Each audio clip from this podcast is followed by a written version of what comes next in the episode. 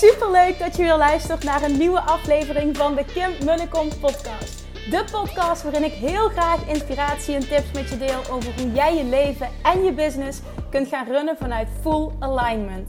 Meer voelen en minder denken, want that is where the magic happens. Hoe werkt die wet van aantrekking nu precies? Hoe creëer jij een succesmindset? En hoe kun jij ervoor gaan zorgen dat jij alles gaat aantrekken wat je zo graag wil met minder hard werken? Ik heb er weer super zin in. Let's go!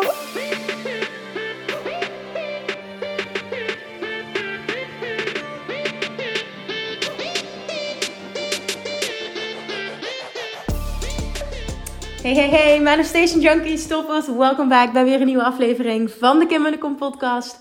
En vandaag staat er een heel mooi, open, eerlijk, oh, rauw ook wel, als dat het woord is dat ik kan gebruiken, um, interview op de planning. Uh, voor je klaar. Um, en over een onderwerp waar ik nog nooit zo diep over ben uitgeweid. Nog nooit zo diep op ben ingegaan als nu in deze podcast. En dat gaat namelijk over de scheiding van mijn ouders. En hoe ik daarover denk. Hoe um, dat voor mij is geweest. hoe dat mij gevormd heeft als persoon. En de reden dat we daar zo diep op ingaan kwam echt door de fantastische, mooie vragen van Marieke Jansen. En zij is um, stiefoudercoach. Zij coacht uh, stiefmoeder, of nee, ik moet het zeggen bonusmoeders. Uh, ik, moet dat, ik moet dat anders uh, benoemen, want haar podcast heet Het Stiefmoederparadijs. Briljante naam vind ik het ook. En zij coacht bonusmoeders en bonusvaders, um, zodat een samengestelde gezin wel werkt en ze niet, daar schrok ik heel erg van, bij die 40 tot 60 procent gaan horen die het niet redden. Blijkbaar redden dus 40 tot 60 procent van de samengestelde gezinnen. Dus nadat personen gescheiden zijn, hè, er komt een nieuwe uh, partner in beeld.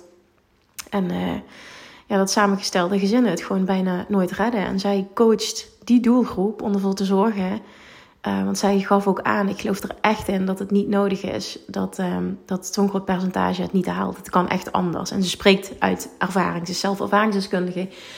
En nou ja, ze volgt mij al heel lang en um, zij wilde heel graag van mij horen, omdat zij uh, weet, en ik heb wel vaker dingen daarover, uh, daarover laten vallen ook, hè, Um, dat die scheiding voor mij, voor mijn ouders toen ik 16 was, een enorme, echt een enorme impact hebben gehad op mijn leven, op mijn zijn, op mijn ontwikkeling, um, op wie ik nu ben. En um, het is een van mijn grootste pijnen in mijn leven geweest en het is een van mijn grootste zegens geweest. En ja, ik deel er alles over en ik ga dieper dan dat ik ooit ben gegaan. Uh, ik deel dingen die ik nog nooit eerder heb gedeeld. Dus ik doe dit. En ik kreeg achteraf namelijk nog een heel mooi berichtje van Marieke. Dat ze zei, ik heb dit nog nooit meegemaakt. Jij bent zo oprecht, zo puur, zo open, zo warm. Zo... Ik wil je gewoon bedanken voor ons mooie gesprek. En dat vond ik echt heel bijzonder dat ze dat zei. Ik ben dus super open in, in dit interview. En in, echt in de hoop dat ik kan helpen. Dat ik iemand hiermee kan helpen die hiermee worstelt. Die hier waarde uithaalt. Die iets voor zichzelf kan shiften hierdoor ja, ik denk gewoon dat dit super belangrijk is. En vooral omdat ik weet wat voor negatieve impact dit op mijn leven heeft gehad destijds. En ja, als ik ook maar iets kan betekenen voor een ander, dat die persoon dat niet zo hoeft te ervaren. Dus als jij dat bent en dit interview uh, betekent dit voor jou, zou je dat alsjeblieft willen laten weten. Ik zou het enorm waarderen als je dan even een berichtje stuurt. Niet zo van, oh Kim, zo fantastisch. Het gaat niet om mij, maar gewoon om jouw transformatie te delen. Dat jij er waarde hebt gehaald. Echt, ik waardeer dit zo enorm. Dus als je dat zou willen doen, zou ik het super tof vinden. Big shout out uh, to Marieke. Fantastisch werk wat ze doet. Zo nodig. En uh, vooral ook fantastische vrouwen en fantastische interviews. Dus ik ben heel dankbaar voor dit gesprek. Ik, uh, nou ja, ik hoop dat je er heel veel waarde uit gaat halen. En mocht het zo zijn, zou ik het enorm waarderen als je het deelt.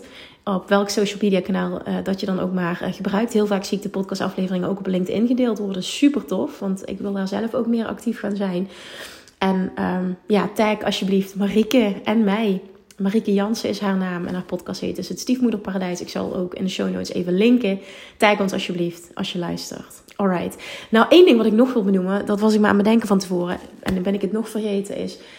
Ik deel ook heel openlijk. En blijkbaar, dit thema is afgelopen week drie keer teruggekomen. In positieve zin. Het is een heel negatief verhaal, maar nou ja, uiteindelijk niet met een positieve uitkomst. Maar in positieve zin merkte ik dat ik, dat ik drie keer iemand heb kunnen helpen met mijn verhaal afgelopen week. En dat gaat over het ontwikkelen van een hele heftige eetstoornis voor mij uh, toen mijn ouders gingen scheiden. En daarin deel ik ook in dit interview. Um, het kwam ter sprake nog twee keer deze week en daarin kreeg ik de feedback. Ik vind het zo fijn dat jij hier zo openlijk over deelt, want het helpt mij echt. En het ging heel erg over. Ik heb de overtuiging dat ik uh, volledig moet de zaakjes genezen, dat ik mijn hele eetstoornis moet healen. En, en wat voor mij heel erg heeft gewerkt, en misschien kan het dat voor jou ook doen, is dat um, mijn eetstoornis is niet volledig weg, maar hij beheerst, of hij of zij, het beheerst mijn leven niet meer. Het beheerst mijn volledige leven en het beheerst mijn leven nu niet. En op het moment dat ik even niet lekker in mijn vel zit of werkzaamheden um, um, gepland heb die, die ik niet zo fijn vind of whatever. Vorige week was een situatie namelijk dat ik teksten moest schrijven voor de website. Nou, dat was voor een hoger doel, dus maar het werk zelf vind ik niet tof. Uh, ik wil het ook niet uitbesteden. Ik wist gewoon, ik moet hier doorheen en ik ben nog niet klaar. Maar dat zijn van die momenten. Het klinkt even heel, um, iets heel basics eigenlijk. Hè? Het zijn van die momenten. Dan uh, komt dat gedrag weer terug. Alleen ik ga er nu compleet anders mee om. En nou ja, zonder daar heel uh, breed over, en enorm over uit te wijden. Um, misschien heb je er iets aan. En de reden dat ik dat deel is dat ik heb besloten op 14 februari, dat is op Valentijnsdag. En dat doe ik bewust, omdat ik dat ergens ook een hele speciale dag vind. Omdat te vieren. Niet enkel met een, een, een geliefde, maar vooral ook de liefde naar jezelf toe te vieren. De deuren open te gooien van Weight Loss Mastery. Ik wilde dat eerst in januari doen, toen dacht ik nee, ik wil het in februari doen. Dat vind ik veel mooier, ik vind het veel passender om dit ook te koppelen aan um, de liefde naar jezelf toe. En dus 14 februari gaan de deuren open van Weight Loss Mastery. Ik zal de wachtlijst uh, naar Weight Loss Mastery zal ik linken hieronder. Dus zorg dat je je alvast inschrijft, want je wil hierbij zijn. Degenen die op de wachtlijst staan, krijgen altijd als eerste de mogelijkheid om deel te nemen en de vetste aanbieding. Dus als je hierbij wil zijn, dan ASAP, get your ass on the waitlist. Oké, lang genoeg geluld. Ga lekker luisteren. Ik hoop nogmaals dat je er enorm veel waarde uit haalt. En ik waardeer het enorm als het zo is dat je het, uh, dat je het deelt. Thank you. Mwah.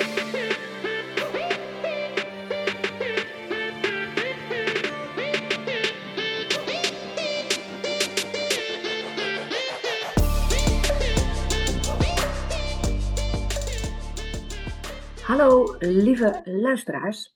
Ik heb vandaag weer een gast. En uh, ja, deze gast uh, stond ook al uh, lang op mijn lijstje, omdat ik haar al heel lang volg, haar podcast.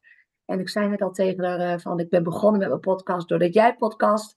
Maakte echt enorm de drempel lager. Ik roep ook vaak tegen mijn luisteraars, ik heb een naturelle podcast. Nou, dat heb ik mede aan Kim Munnekom te danken. En zij is Law of Attraction expert, wet van aantrekking. Ik ga Kim gauw even het woord geven om zichzelf voor te stellen. Want kunnen mensen over het algemeen het beste zelf? Ja, ik blijf dat lastig vinden om dat kort samen te vatten. Maar dankjewel ten eerste, want wat een eer dat jij je podcast bent gestart. Uh, door naar die van mij te luisteren. Fantastisch dat dat een onderdeel heeft mogen zijn van. Um, ja, daarnaast mooi wat je zei, inderdaad. Uh, ik ben uh, business coach, of Attraction. Ik, ik, ja, business coach vanuit de of Attraction. ik denk dat ik het zo het, het mooiste kan verwoorden. Daarnaast ben ik ook mama, trotse mama van uh, twee kleintjes. Ik heb een zoontje van drie op dit moment en een uh, dochter van één of anderhalf. Um, en ik ben, uh, nou ja, kan ik dat zo zeggen, dochter van gescheiden ouders. daar zullen we het zo meteen ook over hebben. En voor mij is dat een hele zware periode geweest. En een hele grote zegen. Dus uh, nou ja, dat. Ik denk dat dat mooi is ook om nu al mee te nemen. Ik, uh, het heeft me ontzettend veel gebracht en daar gaan we zo meteen zeker verder op in. Ja, dus dat. Ik ben uh, een, een, een, trotse mama. Daarnaast onderneem ik. Um, en ik, ik, ben ook gek op het spelletje, het ondernemerschap, de groei, impact kunnen maken, mensen kunnen helpen. En ik ben heel dankbaar dat dit op dit moment mijn leven mag zijn. Ja, ja heel even daarop inhaakt op wat je net zei, dat over het ondernemen en de impact maken. Wat ik um, onder andere, ja, dat had ik je het voorgesprek ook willen zeggen, maar ik zeg het gewoon lekker nu. Um, wat ik onder andere echt dik vet in jou bewonder, ja, ik, ik, ja, vind ik echt, dat, dat doet bijna niemand, heb ik het idee. Jij zegt gewoon alles, inmiddels misschien, inmiddels, alles wat je vindt en denkt. En ja, als ik daarnaar luister. En soms hoor ik je in de podcast en zeg je. Ga ik dit zeggen? Ga ik dit niet zeggen? Dan hoor ik je nog heel even twijfelen. En sommige dingen hou je ook voor je niet omdat je niet durft te zeggen, maar omdat het nog even niet handig is of zo. Maar jij durft gewoon echt alles te zeggen zoals het is. Er zit niks sociaal wenselijks meer aan of zo. Maar wel, dat zeg je er ook altijd bij, met, vanuit liefde en vanuit de beste bedoelingen. Ja. ja, mooi dat je dat zo ervaart. Dat die persoon wil ik graag zijn. En ik doe dat zolang het niemand anders direct schaadt. Tuurlijk. Dus ja, nou, dat zul je ook begrijpen ook. Maar ja, ik hou ervan om transparant te zijn, eigenlijk op allerlei vlakken. Inderdaad, geen, dat je inderdaad zegt wat je vindt, maar ook gewoon transparant te zijn in het ondernemerschap en dingen waar ik mee worstel als mens. Omdat ik er echt in, dat zijn de dingen die ik interessant vind om te horen van anderen, want daar heb je echt wat aan. Uh, in plaats van altijd een perfect beeld, beeld schetsen. Dus uh, ja, heel mooi dat je dat zegt en ook mooi dat je de woorden gebruikt. Ik bewonder dat aan jou.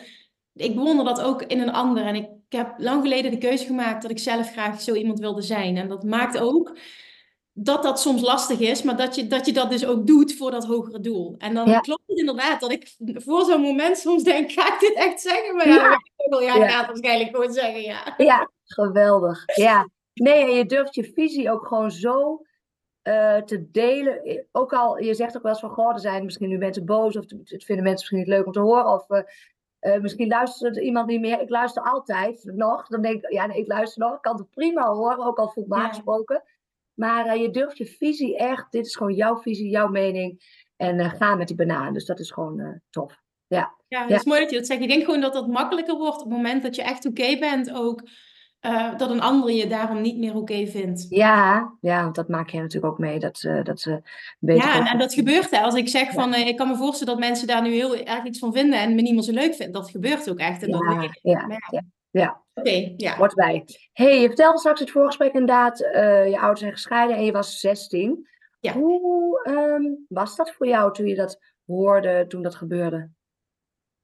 Ja, gewoon ook heel eerlijk, verschrikkelijk. Alsof de bodem onder me vandaan zakte. Um, het heeft enorm mijn zelfvertrouwen aangetast. Uh, ik heb een enorme heftige eetstoornis ontwikkeld op dat moment. Om, uh, ja, nu achteraf heb ik het begrepen wat het precies was wat ik deed. Ik ging zoveel eten tot ik zoveel pijn in mijn lichaam had. Dus echt het gevoel dat ik moest, moest kotsen, zoveel pijn in mijn maag. Gewoon dat die bijna uit elkaar spatten, zo, zoveel had ik dan.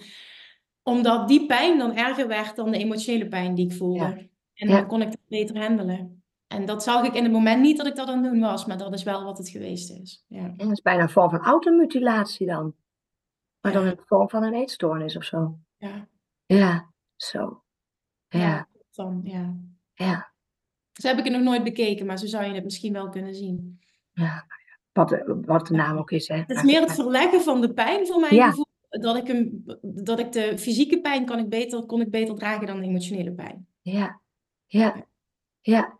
En hoe, um, je ouders gingen scheiden, ging je bij je vader of bij je moeder wonen of allebei? Bleef, ja, mijn moeder bleef in het, ons uiterlijk huis wonen. Gelukkig lukte dat. En um, uh, mijn vader verhuisde naar België toen. En heel eerlijk, wist ik al jaren dat dat eraan zat te komen. Maar toch wil je het als kind, wil je dat niet. Je wil je ouders bij elkaar houden, ook al zie je dat het niet gezond is. Ik weet dat ik twee jaar eerder bij mijn moeder op bed heb gezeten en tegen haar heb gezegd van, waarom gaan jullie niet scheiden? En toen gaf zij dus ook als antwoord, we hebben het hier heel vaak over gehad, dus ik mag dit ook allemaal delen. Ja, dat doen we niet voor jullie. Ja. Oh, en dat, ja, dat wil aan de ene kant is dat natuurlijk heel goed bedoeld. En aan de andere kant ga je je enorm schuldig voelen daardoor. Dus dat, dat, dat hielp totaal niet. Nee. Ja. ja. Nee, maar het moment zelf, ik weet nog precies, het is super lang geleden nu. Ik ben 37, het is 21 jaar geleden. Maar het moment waar ik zat, wat de woorden waren, waar mijn moeder was, wie het me vertelde, hoe ik me voelde, ik weet alles nog. Ik weet alles nog. Dus dat heeft zo'n impact gemaakt. Ja. Ja. ja hey, en um, je zei, het, uh, het was heel zwaar en het was achteraf ook een zegen. Wat vond je er het pittig staan? Dat mijn vader wegging. En dat ik het niet meer elke dag, als ik dat zou willen, om, om me heen had. We hadden een soort ritueel. Mijn vader had een werkplek in onze garage. Hij eh, is altijd zelfstandig naast zijn baan, dus een baan, zelfstandig boekbinder geweest en boekdrukker. Echt vanuit van, van, van, van de oudsher. Um, ja, heel mooi. En toen werk doet hij nu nog steeds. En hij had dus, een, dat noemden wij het hok. Dat is echt heel erg trouwens dat we dat zo noemden, maar dat was helemaal niet verkeerd bedoeld. En daar ging ik hem altijd s'avonds. Hij was altijd na het werk. Mijn, mijn ouders probeerden elkaar zoveel mogelijk ehm, te ontlopen. Dat had ik ook niet in de gaten. Maar ik dacht allemaal dat dat normaal was. Hè? Ja, Tot ik zien ik. daarna hoe het, hoe het ook anders kan. Ehm, dus als mijn vader thuis kwam, ik kwam altijd later thuis van het werk, dus we aten nooit samen. En dan daarna ging hij dus ehm, werken in het, in het hok. En dan ging ik hem altijd, s'avonds kwam ik hem koffie brengen en dan ging ik bij hem zitten. En dan hadden we gesprekken, ook al soms niet, dan deed ik dingetjes daar, hadden gesprekken of ik kwam met huiswerk daar zitten of zo. Ehm, ja, en dat was er niet meer. En, dat, en, en het voelde ook gewoon een afwijzing naar mij, naar mij toe. Ik was een hele moeilijke puber, dus dat voelde ook alsof ik heb, ik heb ervoor gezorgd dat ze uit elkaar, want ik, ja, ik, ik was echt een verschrikkelijk kind. En achteraf heb ik te horen gekregen van de therapeut, waarom denk jij dat jij zo'n gedrag vertoonde? Ja, In welke omgeving verkeerde jij? Wat, wat Ja. denk je zelf, Kim? En Ja. niet om een ander weer de schuld te geven, zo bedoel ik het niet, maar het is ook gewoon een gevolg van geweest. En ik Ja. mag het ook meer hè, voor mezelf, om dat in perspectief te plaatsen, dat niet allemaal mijn schuld en ik was zo verschrikkelijk. En, maar ja, op dat moment als je 16 bent en je bent al onzeker, nou dat, dat hielp allemaal niet mee, kan, kan ik je Nee. vertellen. Dus nee. Nee, Nee. dus je zegt, je voelde werd in de steek gelaten. ja, ik voelde me steeds. Ehm, ja, de, je- voelde je, je dacht dat je er schuld aan had. Nou, dan heb je natuurlijk Ja. wel meer kinderen die gaan denken, had ik het kunnen voorkomen? Had ik iets anders kunnen doen? Had ik niet zo'n rotkind kunnen zijn? Nou, dat ben je natuurlijk niet. Het is natuurlijk ook de hele dynamiek die er speelt. Ja. Ja. En toen heb je dus, want je vader ging naar België, maar hoe vaak zag je hem nog dan? Eén Ehm, keer in de twee weken, denk ik. Ja. Wij sliepen daar nooit. Dat was niet, niet echt een heel fijn huis dan om te overnachten, maar dat was oké. hè. En ik, eh, we gingen dan gewoon eens in de zoveel tijd naar mijn vader toe en dat was prima. We konden elk moment bellen. Dat, dat was het niet. Er was, er was ook niet. Er was ook uiteindelijk geen ruzie tussen mijn ouders. Ze kunnen nu nog heel goed met elkaar. Dus Ja. dat is heel mooi. Ja, er was geen ruzie. Uiteindelijk was het. ehm, en dat vond ik heel mooi. We gaan in liefde uit elkaar en willen het beste voor onze kinderen. En dat hebben ze altijd bovenaan geplaatst. En dat is nu nog steeds zo. Dus dat is echt heel mooi en daar ben ik ze heel dankbaar voor. Ja, mooi. Dus dat, dat hebben ze goed gedaan. Ja, dat hebben ze goed gedaan. Ja, ja, mooi. hey, en ehm, je zegt het is ook een zegen geweest. Wat maakt dat het, wat heeft het je gebracht of wat heeft het je opgeleverd? Nou, ik ben gewoon persoonlijk door een eh, hele moeilijke periode gegaan. Met dus het ontwikkelen van een hele zware eetstoornis. Dat heeft vijf jaar geduurd. Ehm, ja, ook een soort van, denk ik, verlatingsangst daardoor ontwikkeld. Ik heb in ieder geval heel erg moeilijk gehad met mezelf, heel lang.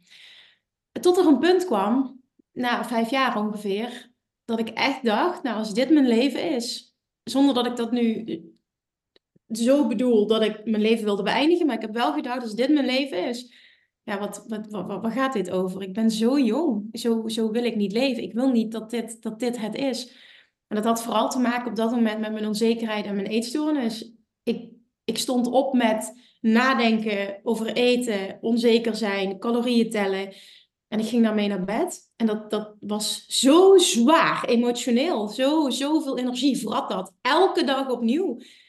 Daar ging ik compleet aan onderdoor, door, emotioneel. En op dat moment, weet ik nog, ik weet nog waar ik was. Ik was op slaapkamer, ik zat in bed, rechtop en ik dacht echt, nou als het zo moet, hoeft het niet meer. En daar is wat gebeurd op dat moment. Dat is de druppel geweest, blijkbaar. En toen heb ik het besluit genomen dat het zo niet meer kon. En dat ik dus op dat moment stopte met mezelf te pijnigen en zo snel mogelijk, zoveel mogelijk te willen afvallen. En alles wat ik deed met de vinger in de keel proberen te steken, verslaafd aan laxeertabletten. Ik pijnigde mezelf echt verschrikkelijk. Dus ik stop overal mee.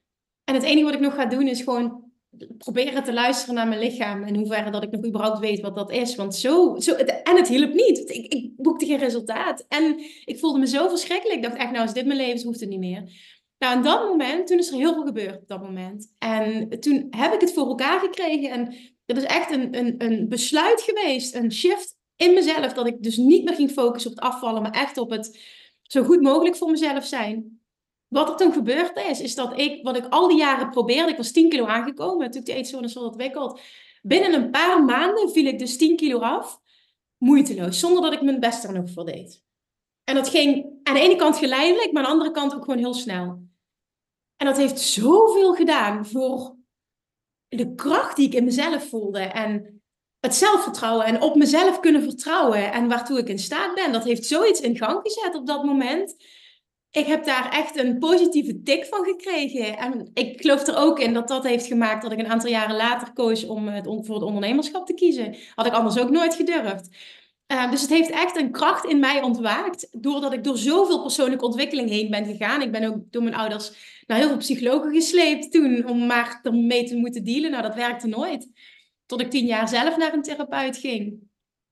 En uh, uiteindelijk, uh, ja, ben ik heel dankbaar dat ik door die persoonlijke shit heen ben gegaan. Want ik ben op jonge leeftijd, denk ik, al in zo'n sneltrein terechtgekomen van persoonlijke ontwikkeling. Wat me dus op deze wat nu als persoon heel erg dient in het leven. Als ik kijk waar ik nu sta, ja, veel mensen die dealen daar pas later mee. Ja, ja, ja.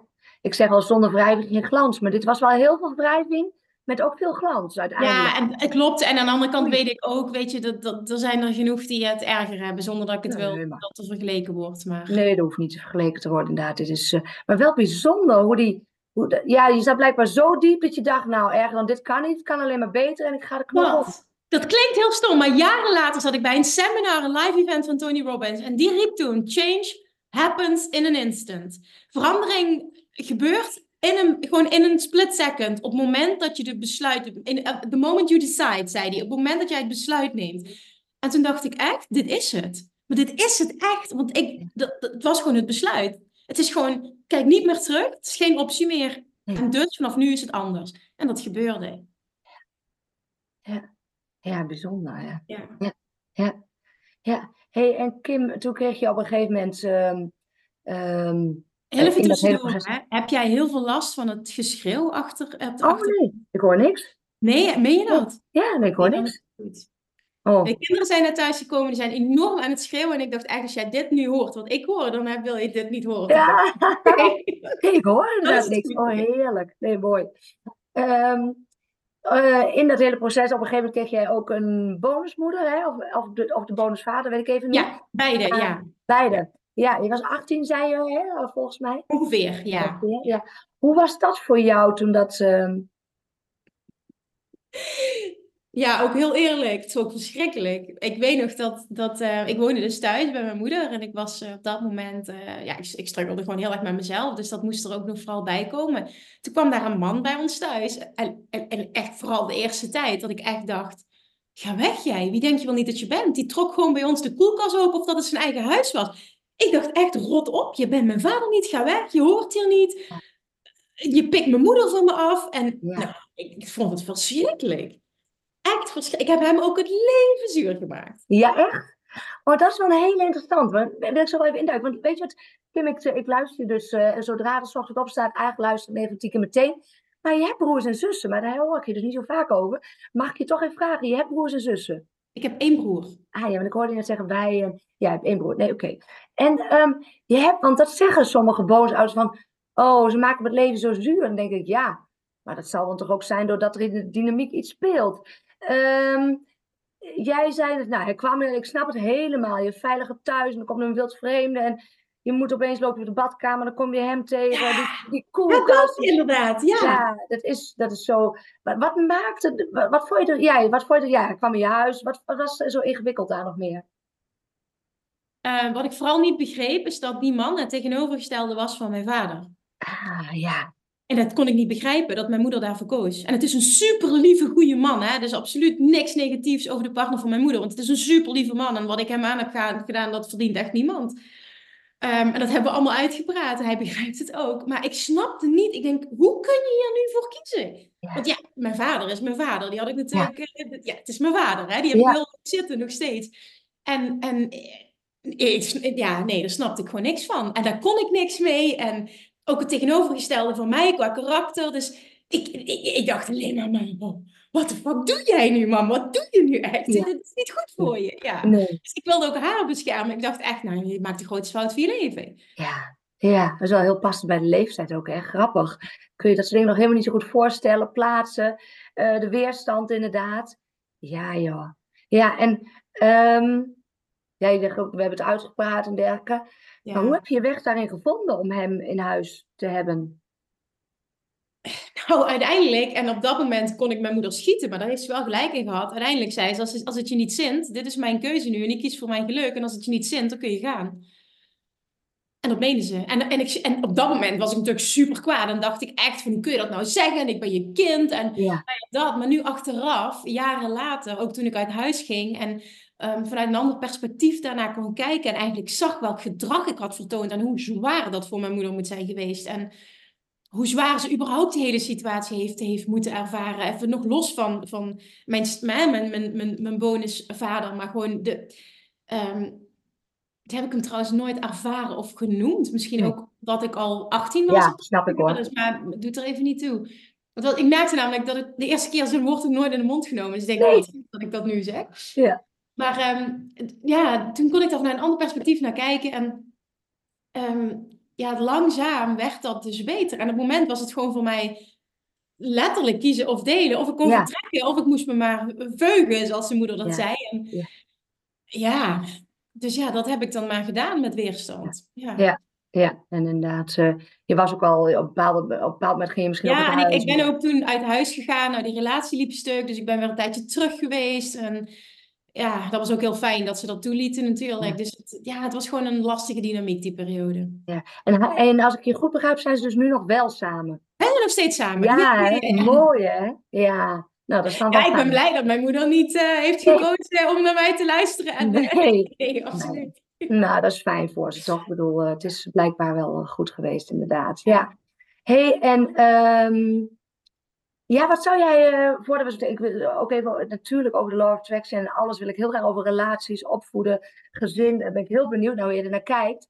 Eh, wat zou je andere ouders meegeven, bonusouders, waarvan zeg je, nou, als je nieuw in een gezin komt, of nou, dat heb ik als kind heel prettig ervaren, of dat lijkt me heel goed, of nou ja, wat zou je daarover kwijt willen? Ja, dat is mooi. Ik sprak gisteren een vriendin van me en zij is zelf bonusmoeder van twee pubers. Oh. En ik hoorde dus ook haar perspectief. Dus ik kon als puber zijnde heel goed die kinderen begrijpen. En ik hoorde Ja. nu ook haar perspectief, hoe dat voor haar heeft moeten zijn. En daar, daar sta je niet bij stil als je puber bent. Nee. Dus wat, wat wil ik ze meegeven? Ik denk, ja, in hoeverre dat ik dat überhaupt kan, omdat ik in de positie van puber heb gestaan. Ehm, Of, of kind heb gestaan dan in die situatie. Maar misschien voor de bonusouder, probeer zoveel mogelijk ehm, wat er gebeurt nooit persoonlijk op te vatten. Het gaat nooit over jou, de afwijzing of woorden die, die genoemd worden of wat. Het gaat nooit over jou. Het gaat altijd over de pijn die dat kind heeft. En dat gaat over de situatie. En jij bent de zondebok. Hè? Het- Jij, ja, hè? Er moet iemand zijn om, om Ja. het op af te reageren. En dat ben jij, want jij bent de indringer in, in, Ja. in de ogen van het kind. Dus probeer er begrip voor te hebben hoe dat voor een kind is. En aan de andere kant, voor een kind, zeker als je ouder wordt, probeer er begrip voor te hebben. Je gevoel mag er zijn en probeer ook de andere kant te begrijpen. En ja, het, het kan me voorstellen. Ik weet uit ervaring hoe gruwelijk lastig dit kan zijn. Ja, ja. Want het is grappig inderdaad, die puber heeft echt geen idee wat hij teweeg brengt, hoe, wat je doet. Ehm, en voor de bonusouder is het soms ook wel ingewikkeld om zich in te leven in die puber. Maar op zich, als je er wat op inleest en op verdiept, kom je heel eind. Maar eh, ja, en heb jij, wat, wat, wat volgens mij ook wel vaak meespeelt, is dat soms zijn ouders zijn veel verder in het proces. Eh, die zijn ook weer verliefd en die zijn veel verder in het proces van afscheid nemen van het oude gezin dan de kinderen zijn. Ehm, ja, bij ons was het zo dat mijn vader verder in het proces was. Want die had al een huis gevonden voor die het deelde. En Ja, hij was er al langer mee bezig.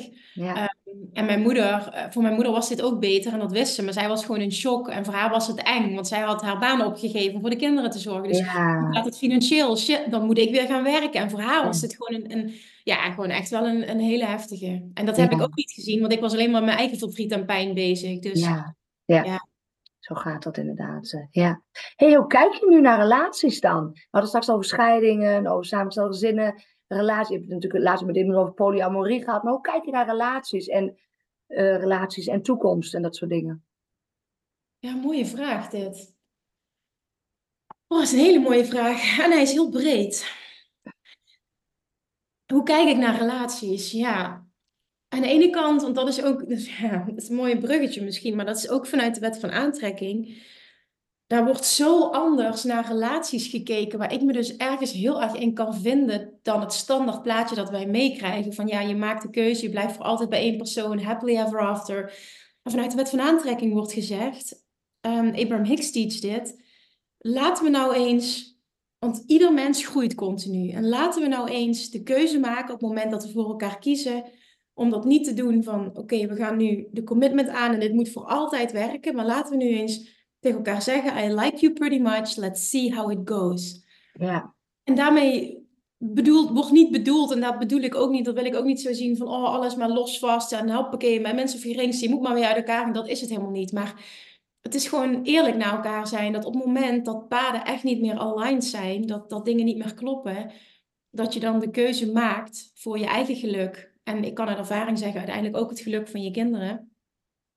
Dat je kiest om je eigen weg te bewandelen. En dat kan nog steeds vanuit liefde. Want iets kan vanuit ruzie uit elkaar gaan of iets kan vanuit liefde uit elkaar gaan. En ik denk dat heel vaak de tweede optie het beste is. En als je echt voelt dat dat het beste is, dan is dat het beste. En dat heeft het voor mij makkelijker gemaakt om op die manier. Um, ja, dit speelt bij mij nu niet in die heftigheid. Maar bijvoorbeeld, wij worstelen op dit moment, mijn partner en ik, heel erg privé. Omdat wij allebei een ander toekomstbeeld voor ons zien. We hebben twee jonge kinderen en we hebben het best lastig op dit moment.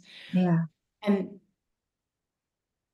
ja, ik kan, ik kan ook niet zeggen hoe dat gaat lopen. En, en dat weet je nooit. En dat heb ik bij alle relaties gehad. Dus en, en misschien is dat een gevolg van wat ik heb meegemaakt. Ik weet het niet. Misschien is het doordat ik inderdaad die kant van de wet van aantrekking op ga. Ik weet het niet, maar dat is hoe ik nu in relatie sta. dat geeft me heel veel rust ergens. Dat het oké is als het echt niet meer gaat. Dat wegen mogen scheiden. Ja. En dat het liefde kan. ja. Ehm, ja. en als het, als het even kan, dan, dan, dan liever niet. Nee. Dus ja. Nee, ja, Want uh, ik maak even een, een, een, bruggetje inderdaad. Het heeft te maken volgens mij met Bali. Hè? En uh, ja. je hebt een huis gekocht dat je daar wil wonen. Want wat brengt Bali jou, Kim? Want ik, ja, ik, ik hoor het natuurlijk allemaal. En, want ik, ik herken dat zelf niet, ja, behalve in Nederland. Maar dat je zo, zo daar thuis voelt. Dat het zo anders voor je is. Ja. En dat is moeilijk uit te leggen. Dat... Ik heb me nooit thuis gevoeld in Nederland. En dat heb ik altijd geweten. En ik dacht dat het gewoon in een bepaalde plek lag. Maar het is, als je niet weet hoe het ook anders kan voelen, weet je ook niet. Ik, ik wist wel dat het geen, geen fijn gevoel was in, die zin, hè? Van, van echt dat thuis voelen of echt een bepaalde plek hebben. Ja, dat heb ik nooit gehad. Maar ik had ook nooit ervaren hoe dat wel was. Dus ik had ook niet het, het snap je wat ik bedoel, het vergelijkingsmateriaal. Tot ik dus in 2017, en dat is een verlangen wat ik al heel lang had, een keer, ik wilde heel lang een paar maanden alleen op reis omdat ik daar heel bang voor was. En ik leek me heel tof om te doen. Dus ik wilde dat een keer ervaren. Nou, uiteindelijk heb ik dat gedaan in 2017. En ik ben naar Bali gegaan. En ja, na de eerste drie tot vijf dagen, want dan was het gewoon een complete. Dat ik dacht, wat heb ik gedaan? Maar daarna ben ik daar. Ik, ik heb me nog nooit ergens zo gelukkig gevoeld. Dat, dat is gewoon niet te omschrijven. En dat heeft te maken met. Ja, waar heeft het mee te maken? Ik weet het niet. Als ik daar op het vliegveld aankom dan is het gewoon alleen maar, ik kan daar echt van huilen als je me dit vraagt nu, omdat dat zo, zo'n heftige lading op zit. Dat is, dat is gewoon, ik ben thuis. En dat heb ik nooit gevoeld. En iedere keer opnieuw voel ik dat. Ja. En ik zou daar het liefste willen wonen, of in ieder geval een groot gedeelte van het, van het jaar. En mijn partner is heel gelukkig in Nederland. En dat maakt het heel moeilijk op dit moment. Ja, dat snap ik. Ja, dat snap ik. Maar ik bedoel, ik heb het gevolgd en uh, dat, ik hoor ook jouw... Uh, passie eh, voor Bali inderdaad. Zeg, is dat ook vanuit, uh, is, zegt de wet van aantrekking daar iets over, of de of Attraction, Abraham Hicks, over je thuis voelen op een bepaalde plek, hoe, waar dat mee te maken heeft, hoe dat zit? Ja, nou, niet direct. Het is, het is vooral dat het heel belangrijk is dat je volgt wat goed voelt voor jou. En en, en ook als dat dus, uh, it doesn't make sense voor iemand anders. Want voor sommigen kan ik dat, die, die denken echt, ja, ik, ik, snap helemaal niet wat je bedoelt. Dus het is echt een gevoel. En het is, ik, ik, ik denk dat gewoon het, het over het algemeen, hè, hoe de westerse maatschappij in elkaar zit, dat is niet iets waar ik goed um, in gedij. Ook al kan ik daarin mijn eigen keuze maken en heb ik een ander pad gekozen van het ondernemerschap, maar toch, over het algemeen, het, het, het naar school, in, in bankjes zitten van 9 tot 5, in die auto, in de file, een, een baan, het, leven van de weekenden tot de weekenden. Ik weet het niet. En dan als we met pensioen gaan, dan gaan we wel. Het, leven is daar mindful, relaxed zijn mensen zijn aardig naar elkaar. Het gaat niet om materialisme. Eh, ook dan zijn er verschillen en, en welke gebieden dat je zit, absoluut. Hè? Want overal heb je dat. Maar over het algemeen staat het voor mij gelijk aan leven um, heel dicht bij de natuur, veel buiten zijn. Um, ook dat, gewoon veel buiten zijn. Niets nodig hebben. Ik heb daar bijna geen kleding nodig. Ik loop altijd in hetzelfde. Je loopt heel vaak op blote voeten. Of, ja, ik weet het niet. Het is gewoon zo'n simpel, fijn, vrij leven. Ik vind het fantastisch. En dan die mensen daar, het eten daar, gewoon eigenlijk alles. Maakt het voor mij dat ik denk, ja, wat heb je nog meer nodig in het leven? Ik, ja, het is compleet voor jou daar. Uh, ja, ja. Want, uh, want, in dat, want dat, had ik ook als vraag trouwens opgeschreven. Maar als je, want je hebt natuurlijk, uh, dat heb je ook in je podcast gedeeld, afgelopen jaar ben je echt zoekend geweest in je business inderdaad. ben je best door een ingewikkelde periode gegaan. Hoe ga jij om met ingewikkelde periodes, ook met de wet van aantrekking en al dat soort dingen? Hoe doe je dat? Hoe helpt het jou? Hoe doe je dat? Ja, wat mij heel erg helpt gewoon is om te weten, en dat is, nou, dat is dan mijn waarheid, ook weer vanuit de, de leringen van, van de wet van aantrekking, is uh, ieder mens gaat door periodes van contrast. En contrast is eigenlijk de, de, de algemene noemer voor alle shit die, die je meemaakt in je leven. Ja, laten we dat dus, dus om nou, uh, snap je, sommige heftige dingen, ja. de, vanuit de wet van is het woord altijd contrast. Aan de ene kant begrijp ik dat, omdat je het, het in een, een, snap je, een ander gevoel eraan koppelt. Dat je het ook, uh, wij, wij, de, emotie die wij eraan koppelen bepaalt hoe het uiteindelijk voor ons voelt. Hè? En, en het, het is namelijk wat het is. En nou ja, dus dat wordt contrast genoemd. En ik weet dus, en dat is mijn waarheid, dat contrast nodig is om te groeien. En groei is waarom we hier zijn. Joyful expansion, hè, vreugdevolle groei. En wat er gebeurd is het afgelopen jaar, is, is dat ja, mijn bedrijf is gewoon heel snel heel erg gegroeid. Ik had heel veel teamleden aangenomen en um, ik was net uh, moeder geworden voor de tweede keer, dus ook compleet oververmoeid. Er kwamen gewoon heel veel factoren samen. Waardoor het heel pittig was en ik voelde van, nou, ik ben totaal niet meer gelukkig in mijn bedrijf. En op dat moment heb ik dus de keuze gemaakt om te gaan kijken van, oké, ik ga alles loslaten waar ik niet meer gelukkig van word. Nou, dat was heel veel en dat is een heel heftig proces geweest.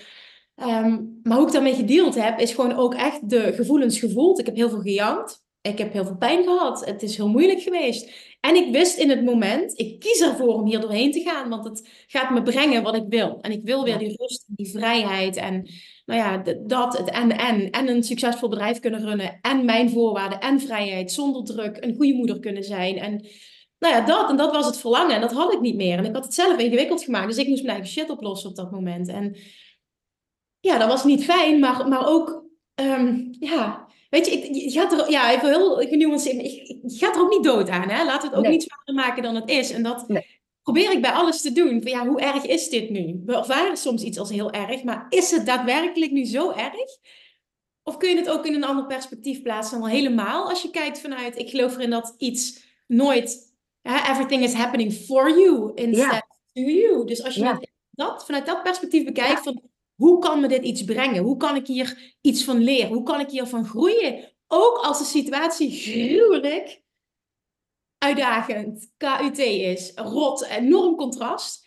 Dan nog gaat het je zo dienen als je een persoon wordt die in moeilijke situaties je toch kan afvragen van oké, ik vertrouw erop dat dit een, hoger doel dient en ik ga hier uiteindelijk iets aan hebben. En dat maakt het in het moment makkelijker. En dat maakte ook dat moment makkelijk. Ja, ja. Dat, dat, daar sluit ook denk ik aan Universe has your back. Hè? Dus het, het gevoel van het komt goed, uh, ik moet er doorheen. Uh, en het, is dus ook het staat dus ook ten dienste van dat het ja, groei brengt of dat het uiteindelijk beter gaat. Ja, mooi. Mooi. Ja, dat kan voorstellen dat dat heel uh, helpend is. Ja, enorm. Maar dat, dat, dat, dat, als ik dat had gekend toen mijn ouders uit elkaar nou, gingen, ja, was, was ik daar ook heel anders mee. Maar dat, ja. toen was het alleen maar slachtoffer. Ik was ja. alleen maar ja. Daar moest ik straks aan denken toen je stel, wat nou als je de wet van aantrekking toen had gekend? Maar had ik die periode heel anders ervaren. Bizar, ja. ja. Maar wat brengt het jou vooral, de wet van aantrekking? Wat is voor jou in je leven dat je denkt, ja, heerlijk dat ik het ken? Nou, heel uh, bazaal. Daar dacht ik uh, gisteravond nog over na. Dat ik de overtuiging heb, alles wat ik wil in het leven, kan ik manifesteren, kan ik creëren. Omdat ik geloof in de wet van aantrekking. Dus als ik vastloop, betekent dat, of als iets niet lukt, dat ik zelf de reden ben. En dat heeft met, met overtuigingen te maken, heeft met zelfsabotage te maken. Um, dat, dat is het bijna altijd. Voor mezelf, maar voor heel veel mensen. Ik ben altijd zelf de, de, de factor waarom iets niet lukt. In de basis kan ik alles voor elkaar krijgen. En als ik mezelf daaraan remind, dan weet ik, oké Kim, gaan we dit eens even anders doen. Hoe kun je dit voor elkaar krijgen? Hoe kunnen we dit manifesteren? En dan ja, valt er altijd een bepaalde lading van me af. En kan ik dingen in een ander perspectief plaatsen. En, en, en, en valt een bepaalde moeilijkheid ervan af. Ja, je leven wordt simpeler en... Um, ja, welk woord zou ik daaraan koppelen? Simpeler en ik denk ook gewoon leuker. Op het moment dat jij er echt in gelooft, mijn leven is maakbaar. Dat is een bepaalde levensovertuiging. Dan leidt je automatisch een leven met meer joy. Ja. En dat is echt heel fijn. Ook op het moment dat je nu door periodes gaat, bijvoorbeeld nu echt bijna standaard. Ik heb bijna al een week nauwelijks meer geslapen. Ik heb even een dochter die gewoon even, even dat ja. heeft. Hoort erbij. Maar ik kan nu niet zeggen, ik voel me slecht. Snap je dat? En dat heeft echt alles te maken met, kies je ervoor om nu te denken, nou, schiet mij maar lekker, ik ga in bed liggen hoor, als de kinderen na de kinderdagfles zijn, want uh, werken gaat echt niet meer. Of ik, ik zeg dit interview af, ik ben echt te oververmoeid. Of ik denk, laten we eens kijken wat we ervan kunnen maken vandaag. Dus ik heb het team geappt, jongens, dit is de situatie, ik zou graag een update willen wat er absoluut noodzakelijk is voor vandaag, dat wil ik graag doen. Dit is de situatie, de rest moet je me even niet meer aankomen, dat kan wachten. Nou, we hadden een interview, ik heb nog een paar afspraken en die doe ik en that's it. En dat heeft alles met instelling, mindset, energie te maken. Ja, ja, mooi. Ja. Hey, mag ik jou wat dingetjes uh, voorleggen waar uh, bonusouders wel eens tegenaan lopen? Waar jij misschien een idee over hebt van hoe kun je ermee omgaan? Nou, één belangrijke is bijvoorbeeld wel dat en moeders, bonusmoeders hebben daar iets meer last van dan bonusvaders, soms ook wel. Maar uh, bonusmoeder en hun partner hebben er soms last van dat de biologische moeder nog erg aanwezig is in hun gezin. Bijvoorbeeld heel veel appen, uh, mee bemoeien, uh, spullen bewust of onbewust de kinderen laten vergeten, dat je, zodat je ze moet brengen. Dus je hebt je gezin met elkaar, zoals jij straks ook zei, je die indringer. Maar je hebt je gezin met elkaar, vader, bonusmoeder, ik zeg maar wat, wat kinderen. En dus je hebt je veilige thuis en je gezinnetje. En je komt er niet onderuit, hè. die ex-partner is er gewoon. En dat is ook heel logisch en dat, dat is gewoon het gevolg. Maar soms uh, zijn die te, zoveel aanwezig in het gezin dat mensen er een beetje tureluurs van worden en daar geïrriteerd van raken. Hoe ga je nou om als je last hebt van iemand buiten je gezin die zich opdringt, die vervelend doet, die... Ja, ja mooie vraag. Ik, ik denk meteen, wie ben ik om daar iets over te zeggen, want zoiets heb ik op die manier nog nooit meegemaakt. Maar als je het mij vraagt vanuit de wet van aantrekking, dan... Kijk, als eerste kun je altijd nadenken over wat zegt dat over mij en mijn eigenwaarde, zelfvertrouwen, zelfliefde, dat ik daar zoveel last van heb. En dat is heel knap, heel krachtig ook en heel ja, pittig ook en, en, en, confronterend op het moment dat je zelf echt die vraag durft te stellen. Wat zegt het over mij? Wat maakt daadwerkelijk dat ik dit zo erg vind? Ik geloof er namelijk in dat iemand die heel veel zelfliefde heeft, zo in zijn kracht staat dat hij uh, misschien dit niet leuk vindt, hè? dat is wat anders. Mhm. Maar er ook niet last van heeft, omdat hij zo stevig in zichzelf staat, het niet als een bedreiging ziet en misschien zelfs wel begrip kan opbrengen voor die biologische moeder. Aan de ene kant, neem, of je nu wel of niet moeder bent, maar neem het eens kwalijk. Ja. Ja, dat. En ik denk als ik zelf in een situatie zou zitten, dat ik het ook ontzettend moeilijk zou vinden. Dus ik, ik vind het ook heel lastig, omdat ik niet weet hoe ik zelf zou reageren in zo'n situatie. Maar ik weet wel dat het beste zou zijn om het echt bij jezelf te zoeken. Als jij degene bent die er last van heeft, vraag jezelf dan echt af, wat zegt het over jou? En wat mag je daaraan doen? Want je hebt geen op die ander. En wat je wel kan doen, misschien praktisch gezien, is dat je gesprek aangaat met je partner, dus de ex-partner van de echte van de biologische moeder, dat je niet vanuit, vanuit schuldgevoelens, maar echt gewoon vanuit eerlijke openheid gewoon aangeeft van, goh, ik, heb, ik vind het niet fijn. Um, ik vraag niet aan jou om dit op te lossen voor me, maar ik vind het niet fijn. Zou je eens met me mee kunnen denken hoe we dit Ja, zeker. Ja, nou, dan ben je ook minder alleen alweer in je probleem. Exact. Dat we delen en wellicht kan er een gesprek plaatsvinden, misschien met z'n drieën. Ik weet niet of dat mogelijk is. Misschien is er geen communicatie mogelijk, maar nou ja, met vaak een open gesprek en dit aangeven kan al wat uitmaken. Ja, ik had, uh, want ik heb de vervolgvragen sluiten er wel een beetje op aan. Ik had vanochtend, ik weet dus niet meer waar ik het gehoord heb, waar ik het gelezen heb, maar er was de uitspraak, uh, de relatie die je met jezelf hebt bepaalt de relatie die je met anderen hebt. En uh, je hebt het nu inderdaad ook over zelfvertrouwen, zelfliefde. Um, in een samengesteld gezin voelen mensen zich soms ook uh, buitengesloten. Ik heb zelf ook wel eens, hè, dan zit ik, dan zit mijn vriend met zijn kinderen en is mijn dochter niet, dan voel ik me niet buitengesloten, maar ik, voel wel dat je denkt, oh ja, wij zijn met z'n drieën en uh, ja, ik ben er ook bij.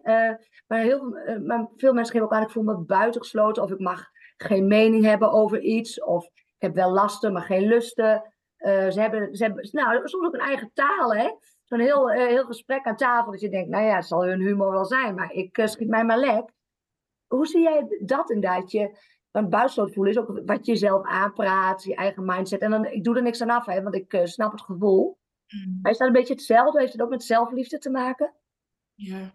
Ja. Uitgesloten zegt natuurlijk ook iets over dat iets in jou getriggerd wordt door gedrag van anderen. Ja, dat zegt alles over jou. Ja.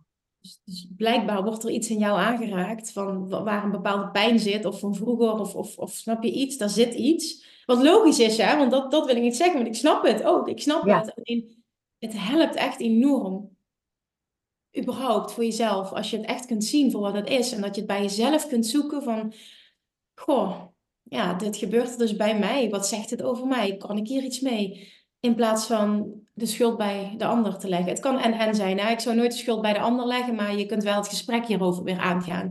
Maar in eerste instantie, de verandering ligt echt bij jou. Ja, ja daar heb je ook de meeste invloed op, hè? op jezelf. Ja, alleen maar. Ja, alleen maar. Ja, ja, ja mooi. Ja.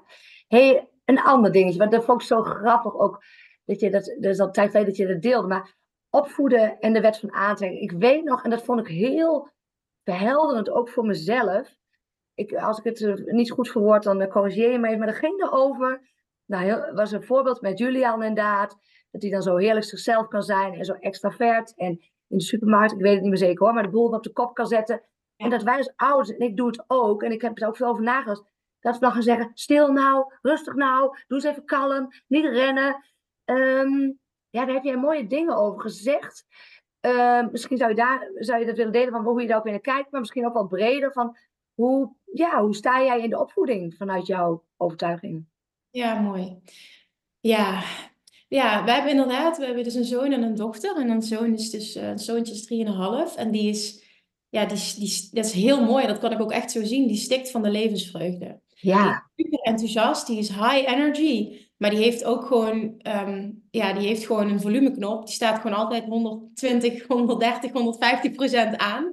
En die gaat niet uit. Zowel qua energie niet als qua uh, praten niet. Die, die is geen minuut stil, bij wijze van spreken, op een dag. Gewoon, die stopt nooit met praten. Die deelt elke gedachte die hij heeft. Gewoon de hele dag door. En um, dat is soms echt wel pittig. Um, maar wat we vooral merken, is dat anderen dat vaak heel pittig vinden. En ja, voor ons was het ons eerste kindje. Dus wij waren ook niet. Uh, wij, wij hebben vervolgens een dochter gekregen die tegenovergestelde, super rustig. Dat we echt alleen maar denken. Uh, oh ja, jij bent er ook nog. Dat doe nou niet verkeerd, maar gewoon echt zo'n groot verschil. Dus wij dachten dat dit gewoon no ja, normaal was. Nou, dat blijkt dus niet zo te zijn. En ja, dat, dan kom je in situaties. Um, het, ja, er wordt best wel veel gezegd.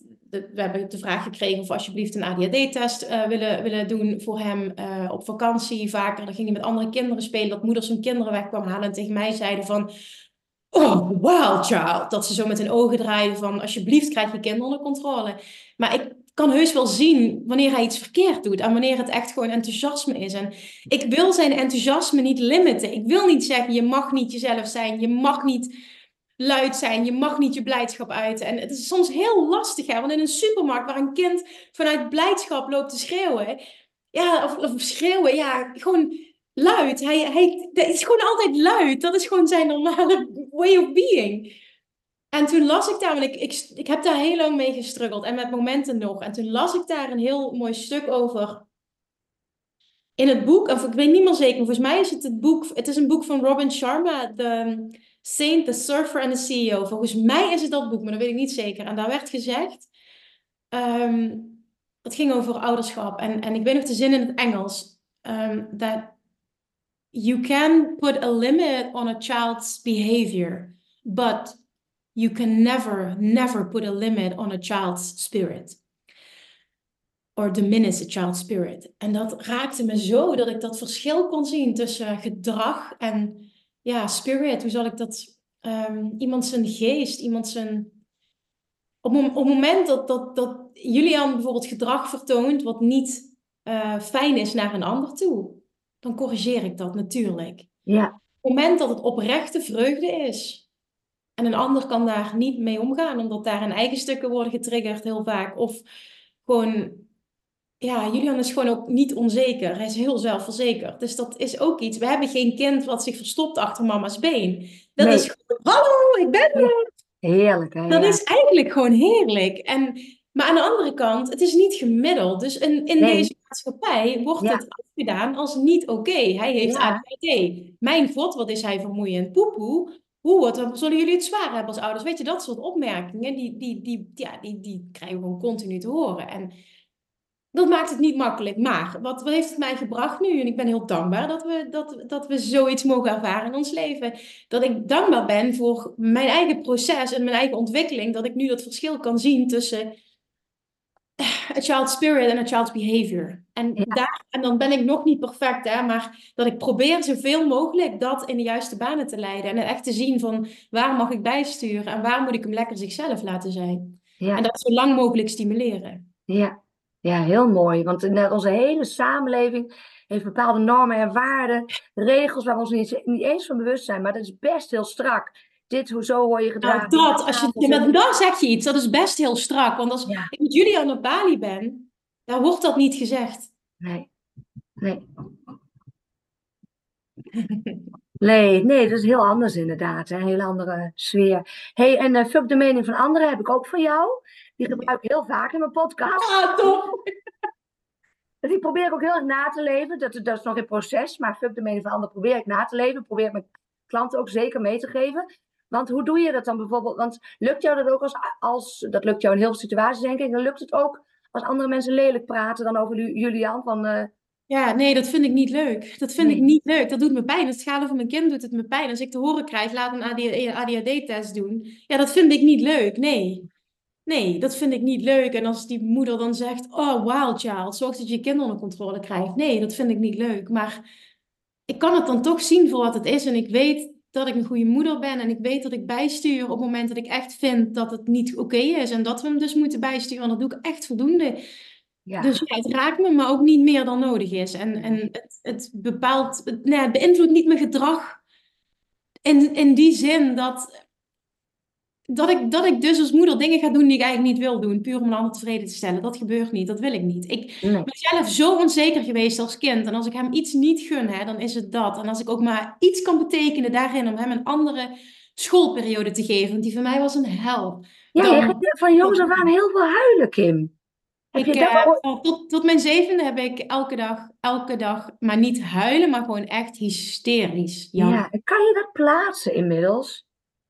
Ja, ja, en ik denk dat ik het daar ook gewoon bij moet laten. Want ik heb uiteindelijk is hij ook daar, ben overal naartoe gegaan, naar therapeut, psycholoog. Iedereen wilde, mijn moeder wilde gewoon weten, wat is er met haar aan de hand? Waarom gebeurt dit?